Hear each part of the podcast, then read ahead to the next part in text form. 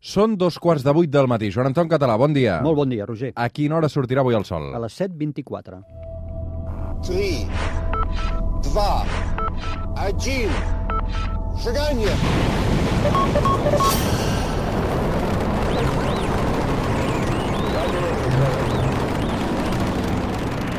One small step for man,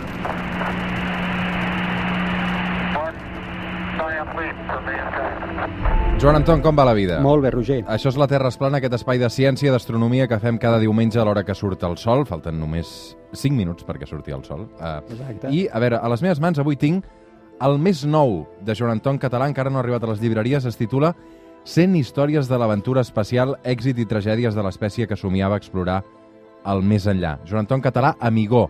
Sí, Clar, senyor. tu surts, eh, o sigui, ets com Woody Allen de, de l'astronomia, perquè surts a, a llibre per any, no? Uh, sí, de moment sí, mira, m'ha agafat la vena creativa i, uh, bueno, afortunadament no, no manquen temes per parlar de l'espai i per, per parlar de l'univers i aquí estic, sí, sí. Escolta'm, què, què hi trobarem aquí dins? Perquè és que no l'he pogut ni fullejar, l'he rebut avui. Ja l'he rebut avui perquè surt ara, justament ara, i aquesta setmana que entrem, dimecres, ja estarà a les llibreries. Doncs això és un llibre, eh, a diferència dels altres que era d'astronomia, aquest és de l'exploració de l'espai. Per tant, és un recull de històries, d'anècdotes, algunes eh, que acaben amb tragèdia, les altres que acaben amb èxit, aquests normalment no són conegudes o són poc conegudes per la gent. He intentat buscar les històries de les persones al darrere de les missions, capítols molt curtets, com són tots els de la col·lecció aquesta de Cossetània, que és de 100 en 100, i he colat, li he colat a l'editor, Mm. un capítol 101, a, passar, a pesar del títol del llibre, que diu carai. capítol 100 històries, doncs li he colat Mm. un 101, que és, eh, bueno, el, L'esperança de l'espai. correcte, el meu desig de com hauríem d'explorar l'espai en el futur.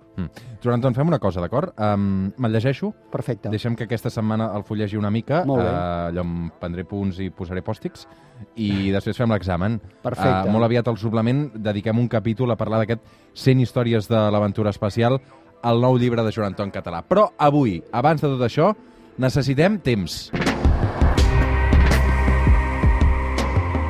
Avui la Terra es plana, un capítol que ha preocupat científics i filòsofs al llarg dels anys, però sobre el qual no s'han trobat encara totes les respostes. Avui amb el Joan Anton Català parlem del temps. Què és el temps? Val, jo, jo abans que res voldria fer un avís a navegants. Uh, el, potser el- l'oient, uh, quan expliquem alguna d'aquestes coses, pensarà que, que trivial tot això que explica, perquè el Joan Anton parla del passat, del futur. Mm. És espectacular. Jo només demano a l'oient que rasqui una mica sobre algunes de les coses que estem dient per donar-se en compte de quina espectacularitat té, quin enigma més gran és això del temps Mm. que parlem. Tan enigma que no l'entenem. Com el definim? Ja d'entrada ja ens costarà definir-lo. Fixa't, hi ha diverses definicions pos possibles. Dos d'elles relativament senzilles o trivials i l'altra molt complexa. Mira, de les, de les més fàcils. Per exemple, el temps l'utilitzem com a coordenada. Igual com utilitzem coordenades es espai espacials per situar-nos, quedem a Passeig de Gràcia, cantonada amb Aragó, eh, això són de l'espai, coordenades de l'espai, també temporal, quedem demà. Per tant, una possible definició del temps és una coordenada més, que no es relaciona amb l'espai, sinó amb el moment, en un Mm. moment determinat. Però en canvi podem parlar en funció de dies, d'anys, de minuts, de segons, Aquesta no? seria l'altra definició, que és durada de coses, durada d'esdeveniments. Per exemple, doncs el programa ha durat 30 minuts. Doncs eh, aquests minuts, aquest temps, eh, o l'obra de teatre pues, ha anat des de les 9 a, les, a dos quarts de 12, doncs això és una durada. Per tant, també una altra definició del temps és allò que utilitzem per mesurar, igual, igual com fem amb les distàncies, abans parlàvem de l'espai, que tenim eh, regles per mesurar o, o dispositius per mesurar distàncies, també podem mesurar distàncies en el temps, minuts, hores, segons. Aquestes dues definicions són senzilles. Dius, val, mm. Fins ara, cap problema, és el concepte més trivial del temps que tenim. Més maneres de mesurar el temps, I- el temps que passa. Exacte, aquí és quan es complica la cosa i hem de començar a rascar. Perquè hi ha una altra definició del temps, que és la profunda realment, que és el, el flux del temps. És a dir, és el, el pas constant del temps. És allò que cada segon que passa, un segon de futur s'ha convertit en un segon de passat. És el gra que cau dintre el nostre rellotge de sorra, pam, i això és inexorable, i va passant. I és com un riu, com el corrent d'un riu, on nosaltres fem la nostra vida per sobre del riu i sense que haguem de fer res ni ho puguem evitar, el temps va sempre cap al davant i va fluint sense parar, sense parar. I aquest concepte del temps és el que ens torna bojos, el que no entenem, el que dius, com és possible, i ara anirem parlant, com és possible que el temps es comporti així? Què és realment el temps? Per què el temps sempre flueix? Per què no el podem aturar? Mhm. Perquè, igual com les distàncies tu les pots aturar, tu pots estar quiet en un lloc i tu pots dir, bueno, estic en aquestes coordenades, però quiet. En el temps no. El temps és inexorable i sempre va cap al davant. Això és un, el gran misteri del temps. Sempre va cap endavant, però parlem del passat, del present i del futur. Exacte, i aquí ja fixa-t'hi, uh, és allò que deia, no? que trivial no? que és el passat, que trivial que és el futur. El futur és increïblement complex, fixa-t'hi. La diferència entre el passat i el futur és espectacular. El passat, és, el passat ja està escrit, és tot allò que ja ha succeït, no ho podem canviar. Tot i que el percebem de maneres molt diferents. El percebem diferent, però podem estudiar-lo, eh? perquè ja ha succeït. No podem fer cap acció avui que canvi el passat. Tot allò que va succeir ja ha succeït. En canvi, el futur no està escrit, està per descobrir. Podem fer accions avui que canvin perfectament el futur. Fixa't que diferents que són, no? I un diu, clar, home, és que és el passat i l'altre el futur. Ja, ja, però ens costaria descobrir a la natura un concepte com el temps que tingui dos cares tan completament oposades, tan completament increïbles, i que una, el futur, es va convertint en passat constantment. És a dir, aquesta gran diferència que hi ha entre el futur, això desconegut, que no ho sabem, que està per explorar i que no està escrit, passa a estar escrit i a, i a ser conegut instantàniament, constantment, constantment, constantment. Que, i, I és aquesta màquina del temps, és aquest flux continu del temps que ens fa canviar això, no? Mm. El més fotut de tot és el present, no? Clar, perquè un esperaria que el punt d'inflexió, el que canviaria de passat a futur, sent tan espectacularment diferents com són passat i futur, un pensaria que el punt que els canvia, que és el present, hauria d'estar molt ben definit. Clar, dius, si una cosa és blanc i l'altra és negra, si una cosa és passat i l'altra és futur, com el Joan Anton ara ha explicat, que són completament diferents, el punt que els intercanvies al present, doncs el present semblaria que hauria d'estar molt ben definit, hauria de ser un concepte molt clar. Doncs és tot el contrari. És, com ara veurem, nebulós, difuminat, eh, completament canviant. Mm. No tots els presents són iguals. No tots els presents són iguals. El teu present és diferent al meu. Uh, això uh, la, la física ens ho, ha, ens ho va postular, però també ens ho ha demostrat. I tenim aquí dos conceptes que és interessant de parlar i que alguna vegada en el programa els hem introduït, diríem, a relació d'altres qüestions. Un és que el temps, el ritme de pas de la vida, el ritme de pas del temps canvia en funció de la velocitat relativa a la qual et mous. Per exemple, si ara tu i jo portem dos rellotges i els sincronitzem perfectament i tu te'n vas a donar una volta per l'espai i tornes a gran velocitat, quan tornis el teu rellotge, com aquest que està sonant, eh, ja no estarà sincronitzat amb el meu. I això no és cap problema dels rellotges. El Els temps de l'espai és diferent de la Terra. Correcte, en funció de les velocitats relatives. Primer concepte. Segon concepte, la gravetat. Einstein també ens va ensenyar que la gravetat també canvia el temps. Per tant, no mesura igual el teu rellotge aquí que a la tercera planta de l'estudi, o que a dalt d'un gratacels, o que a dalt a l'espai, perquè la gravetat és lleugerament diferent. Què vol dir això? Que el teu present i el meu són diferents.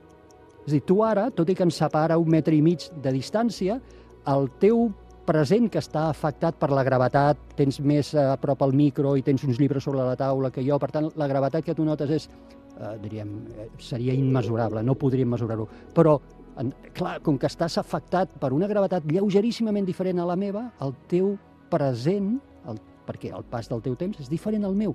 No podem parlar d'un present igual per tothom. No té sentit preguntar-se què estarà fent ara el meu company astronauta a la Lluna. No, perquè el ara, aquest present meu, l'ara meu, és diferent al seu ara. No té res, absolutament res a veure, fixa-t'hi. I l'ara, no oblidem que és el que eh, diferencia el futur del passat. Per tant, és aquest punt d'inflexió que està super poc definit, com veus, és nebulós i no hi ha un present per tothom igual. No em diguis que això no és fascinant. Necessito agafar aire, Joan Anton. Agafa, agafa.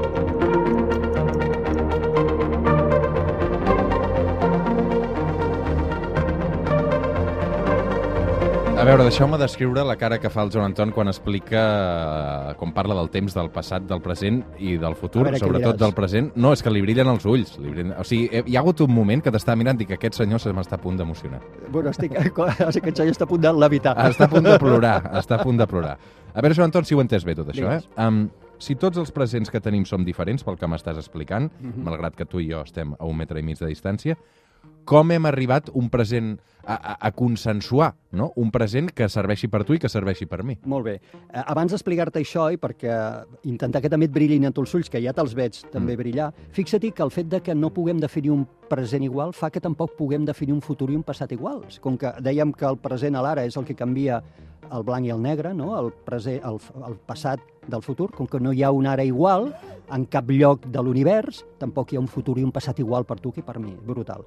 Com ho hem fet per no tornar-nos a bojos, això que em preguntaves, amb tot aquest concepte? Doncs hem arribat a un acord, un acord tàcit. A la Terra hem dit, mira, tots aquests efectes que acabem d'explicar ara, que fan que la vida transcorri a un ritme diferent, com és la velocitat relativa, velocitats que han de ser altíssimes, properes a les de la llum, no? o els canvis de gravetat.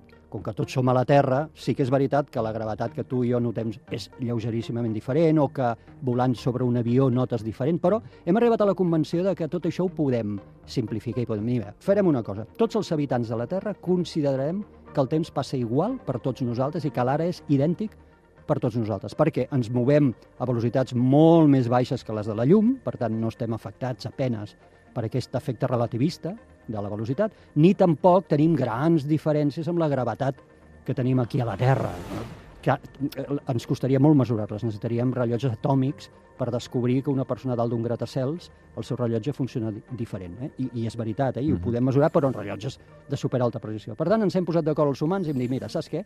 Aquí a la Terra tindrem un únic rellotge. Um, tot i acceptar que el temps funciona diferent per tots nosaltres, suposem que no. Ens tapem els ulls i fem l'aproximació de que per tots el temps funciona igual, aquí a la Terra. La qüestió és que quan surts de la Terra això ja no ho pots aplicar. Eh? Quan te'n vas a un satèl·lit GPS, Mhm. que els tenim en òrbita al voltant de la Terra, això ja no ho pots aplicar. Hem de corregir els seus rellotges, perquè ells viuen el temps d'una forma diferent a com nosaltres el vivim. I si no els corregíssim, cada dia que passés acumularíem un error de 9 quilòmetres acumulable en el posicionament. Per tant, no podríem utilitzar el GPS.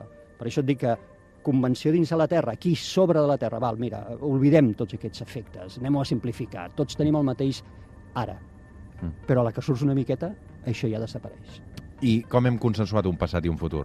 Bueno, el futur no el tenim consensuat. No, no a, a la que tu consensues un ara, ja defineixes un passat i defineixes el que ha de venir, el que serà un futur que no està escrit, Mm. però l'ara, com que és el punt d'inflexió, és la, el llindar, un cop l'hem definit i tots ens hem posat d'acord que l'ara nostre aquí a la Terra és el mateix per tots, què estarà fent ara el meu amic a Pequín? Doncs això ho podem preguntar perquè hem dit, va, di, sí, deixem-nos-ho preguntar, va, fem veure que el temps passa igual no? i que l'ara és el mateix pel tio de Pequín que pel Joan Anton. Per això és una convenció que és molt bona, evidentment boníssima, però que, com et deia, fora no funciona.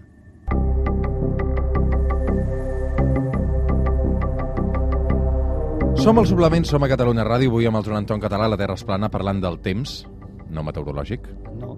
Aquest, aquest és també complicat, eh? sí, però avui a un temps més complex, eh? Vull dir, open your mind, Joan Anton. Mhm, Exacte. Comencen les preguntes esotèriques, d'acord? Eh, amb aquell punt que dius... Eh... A veure, amb tot això que m'estàs explicant, podem viatjar en el temps? Uh, clar, fixa't, abans dèiem, el temps sempre funciona cap al davant.